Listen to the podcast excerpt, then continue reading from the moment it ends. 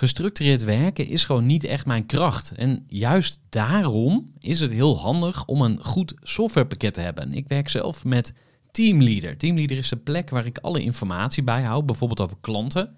Waarin ik offertes maak en verstuur en die digitaal laat ondertekenen. Waarin ik facturen verstuur, waarin ik lijstjes bijhoud, waarin ik projecten kan managen, waarin ik standaard e-mails kan programmeren. Kortom, ik gebruik Teamleader om alle werkprocessen van mijn bedrijf te stroomlijnen. En zeker ook als je met een team werkt, is het heel fijn om over dezelfde informatie te beschikken. Nou, als je ook benieuwd bent of er mogelijkheden zijn om jouw bedrijf meer te stroomlijnen, of je nu alleen werkt of met een team, ga even naar teamleader.nl slash groeivoer en je kunt dan vandaag nog een trial starten voor twee weken lang, gratis.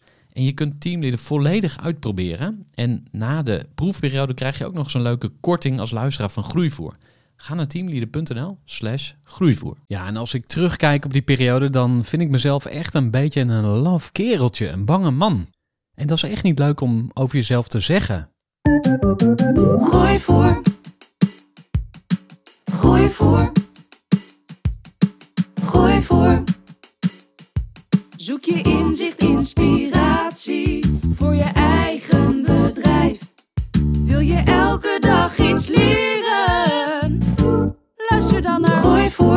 Welkom bij een nieuwe aflevering van de Groeivoer podcast, waarin ik het met je wil hebben over leiderschap.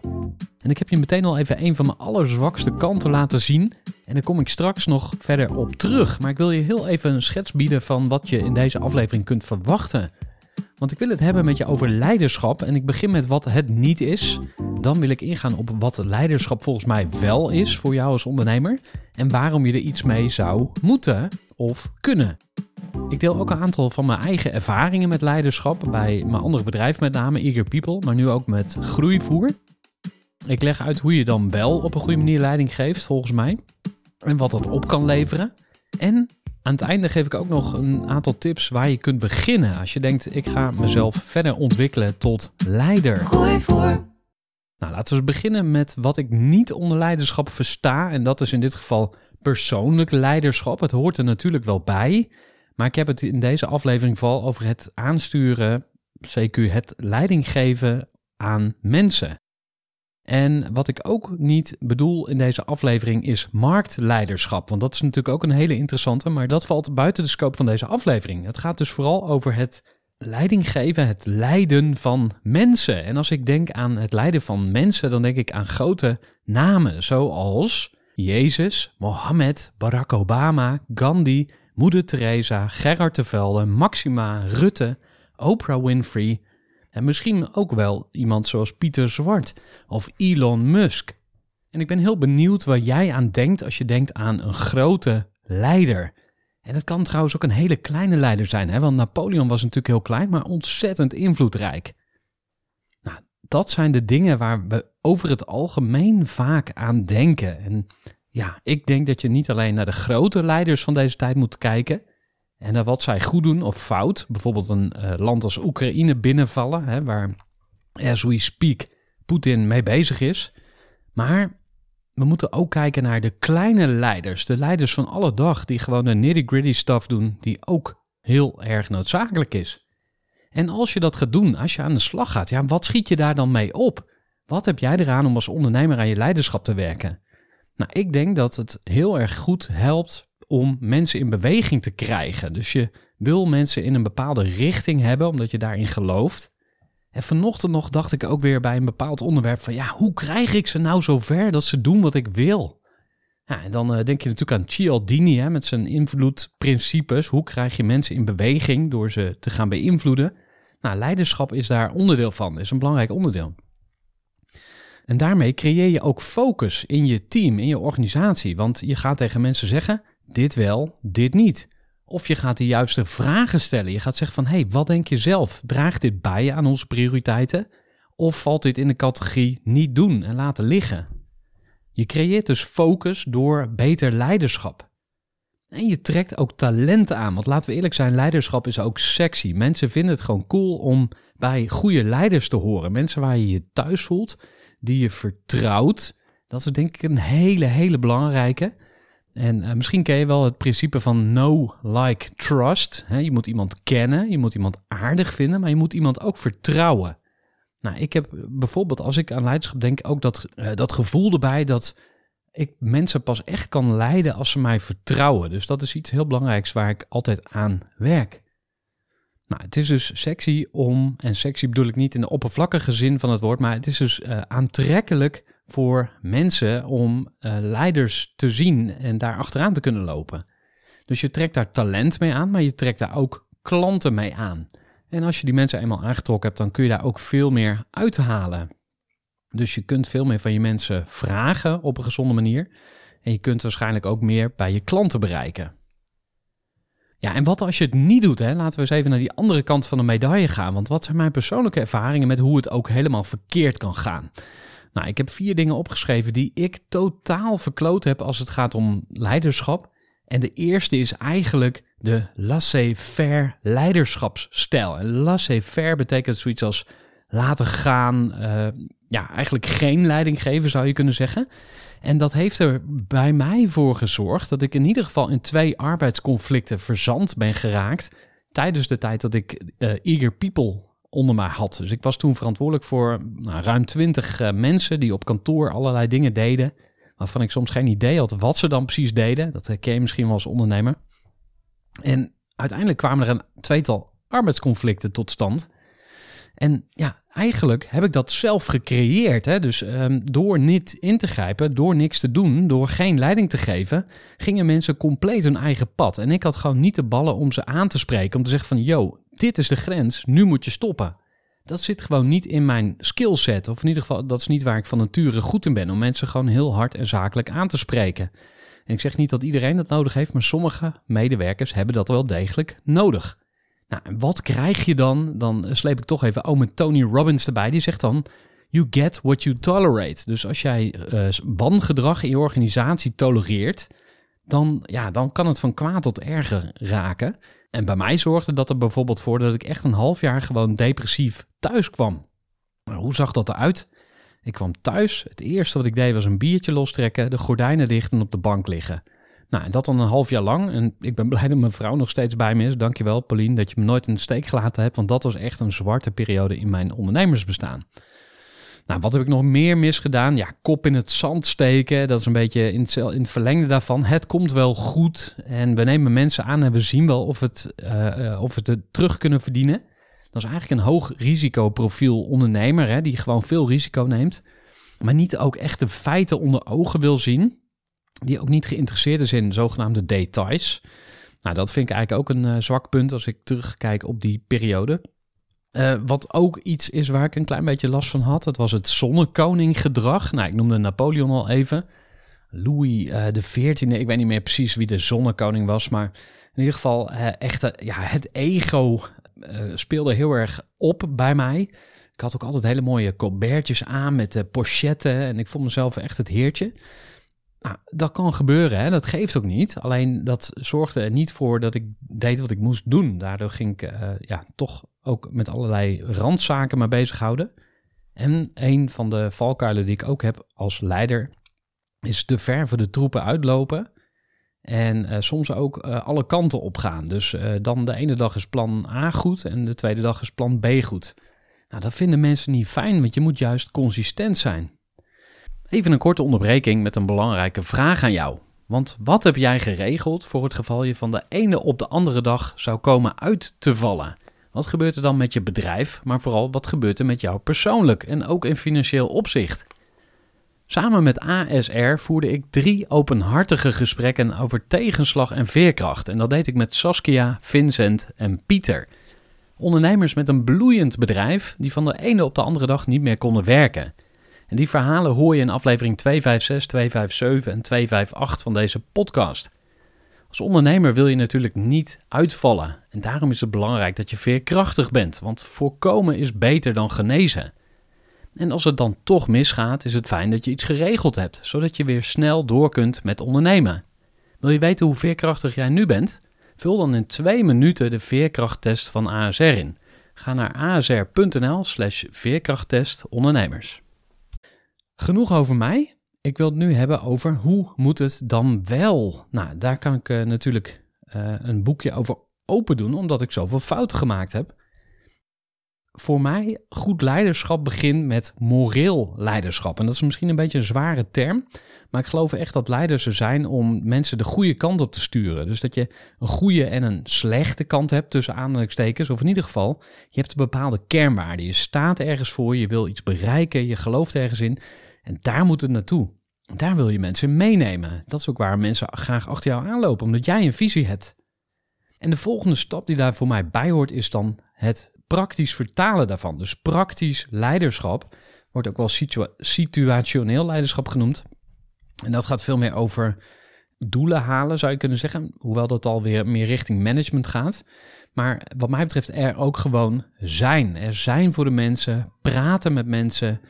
Uh, en eigenlijk, als je een goede leider wil zijn, hoef je niet eens tien keer zo goed te zijn als je mensen, of tien keer zoveel te weten, of tien keer meer ervaring te hebben. Je hoeft vaak mensen maar één stap voor te zijn, juist omdat jij het overzicht houdt.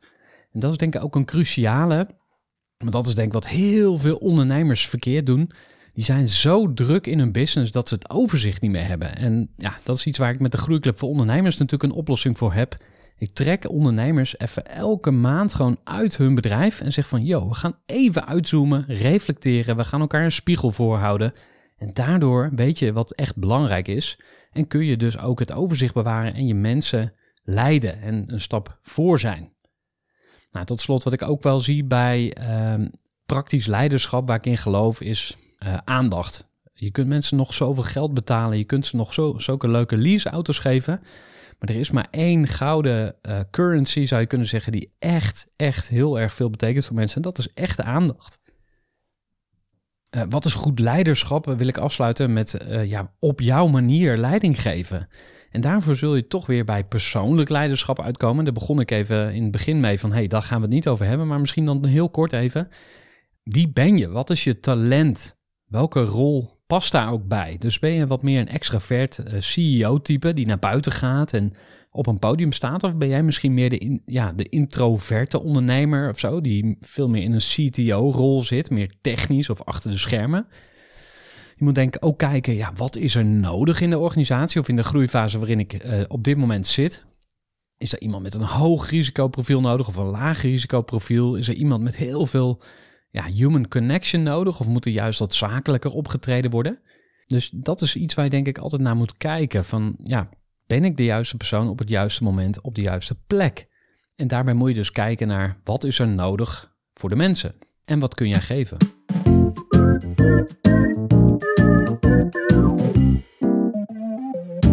Nou, waar moet je beginnen? Als jij als ondernemer denkt, ik wil inderdaad aan mijn leiderschap gaan werken. Ik denk dus persoonlijk leiderschap bewustzijn. Ken uzelf, die uitdrukking ken je vast wel. Dus uh, ja, ga nou eens uh, studie maken van je eigen talenten. Wat zijn nou eigenlijk je leiderschapstalenten en welke valkuilen horen daarbij? Nou, waarschijnlijk ben je daar al een paar keer ingedonderd en die pijn die ken je al. Maar tegenover alle dingen die pijn doen, daar, daar zit ook wel een talent onder, een kwaliteit. Dus misschien kun je daar wat mee als leidinggevende.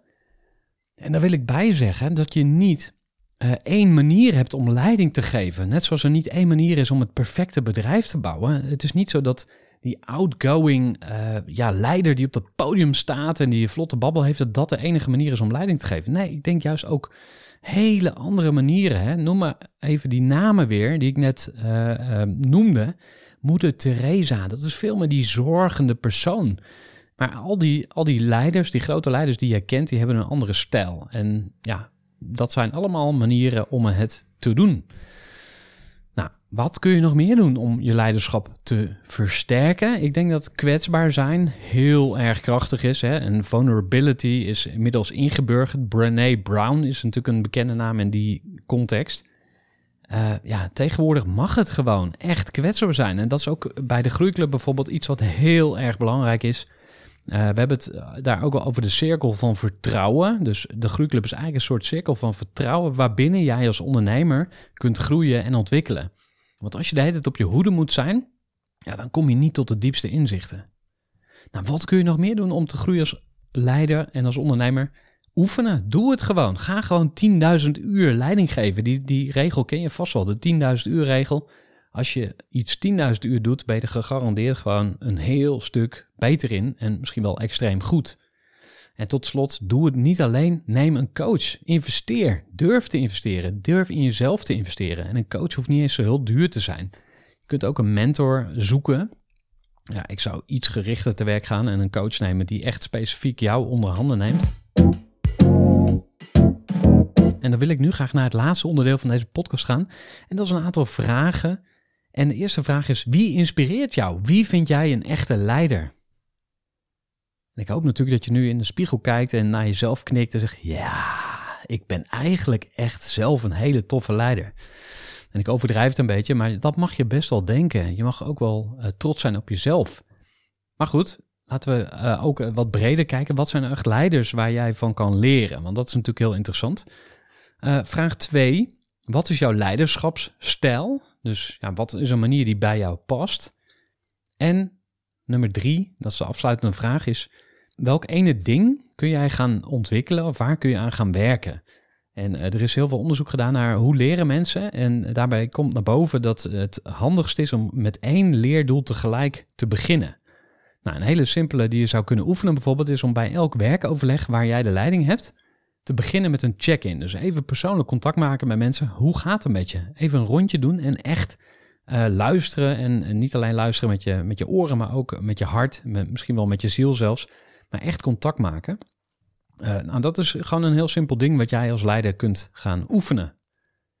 Nou, je kunt natuurlijk ook naar een event van de Groeiclub komen. En het uh, event van 3 maart is uitverkocht. Dus daar, zitten we helemaal vol. We hebben ruim 55 uh, gasten daar. Maar um, het wordt heel tof. Joël Aarts die komt en die gaat samen met Ines Petter een uh, hele toffe masterclass geven over leiderschap. Waar je leert hoe je een betere leider wordt. Maar ja, het is al uitverkocht, dus dat schiet niet op. Uh, wat wel leuk is om te weten, we doen bij elke groeiclub bijeenkomst ook een hot seat ronde. Dan ga ik een uur lang ondernemers helpen bij het oplossen van problemen. Of eigenlijk, ik faciliteer het proces, maar een ondernemer gaat zelf op een uh, hot seat, een stoel zitten. En dan uh, mag die ondernemer een uh, probleem pitchen. En dan gaan we daar 20 minuten lang met z'n allen over brainstormen en die ondernemer verder helpen. En dat is heel leerzaam voor iedereen. En dan daarna hebben we altijd een inspiratiediner met uh, twee rondes, waarbij je allerlei leuke, nieuwe, inspirerende ondernemers ontmoet. Dus nou, dat zijn hele toffe events. En 3 maart is al uitverkocht, maar we hebben de volgende edities natuurlijk ook alweer gepland. Op 7 april zitten we in Breukelen. En dan gaan we het hebben over hoe je winst kunt optimaliseren met growth hacking. Op 5 mei gaat het over vrijheid natuurlijk. Wat kun je ook anders doen op die datum? Op 2 juni gaat het over hoe word ik de nummer 1 in mijn markt. Daarbij komt Aartjan van Erkel spreken. En uh, je krijgt ook, als je een ticket boekt, zijn boek daarbij cadeau. Nou, zo hebben we nog een hele serie events in de planning staan. Als je ondernemer bent, je neemt jezelf serieus. Je hebt een serieus bedrijf. Je hoeft nog niet super groot te zijn. Maar als je denkt van, hé, hey, ik wil toch wel eens een keer even naar zo'n event komen. Ga dan gewoon even naar groeivoer.nl slash events en ja, boek een ticket. En als je dat doet, dan bellen we jou ook even op om even met je te kletsen, te horen wie je bent en waar je naar op zoek bent. Uh, maar dan ja, lijkt het me ook heel tof om jou gewoon even in de ogen te kijken tijdens zo'n event. Want dan kunnen we elkaar ook eindelijk een keer persoonlijk ontmoeten. Nou, tot zover deze aflevering van de Groeivoer podcast. Ik hoop dat er minstens één ding in zat wat jij kunt gebruiken. Dus ga dat vooral lekker doen. En graag tot een volgende aflevering van de Groeivoer podcast. Groeivoer.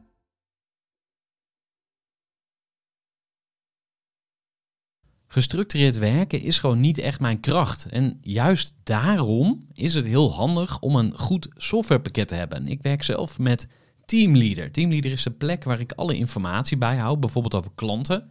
Waarin ik offertes maak en verstuur en die digitaal laat ondertekenen. Waarin ik facturen verstuur, waarin ik lijstjes bijhoud, waarin ik projecten kan managen, waarin ik standaard e-mails kan programmeren. Kortom, ik gebruik Teamleader om alle werkprocessen van mijn bedrijf te stroomlijnen. En zeker ook als je met een team werkt, is het heel fijn om over dezelfde informatie te beschikken. Nou, als je ook benieuwd bent of er mogelijkheden zijn om jouw bedrijf meer te stroomlijnen, of je nu alleen werkt of met een team, ga even naar teamleader.nl slash groeivoer en je kunt dan vandaag nog een trial starten voor twee weken lang, gratis.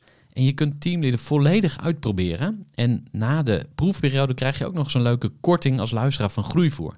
Ga naar teamleader.nl slash groeivoer.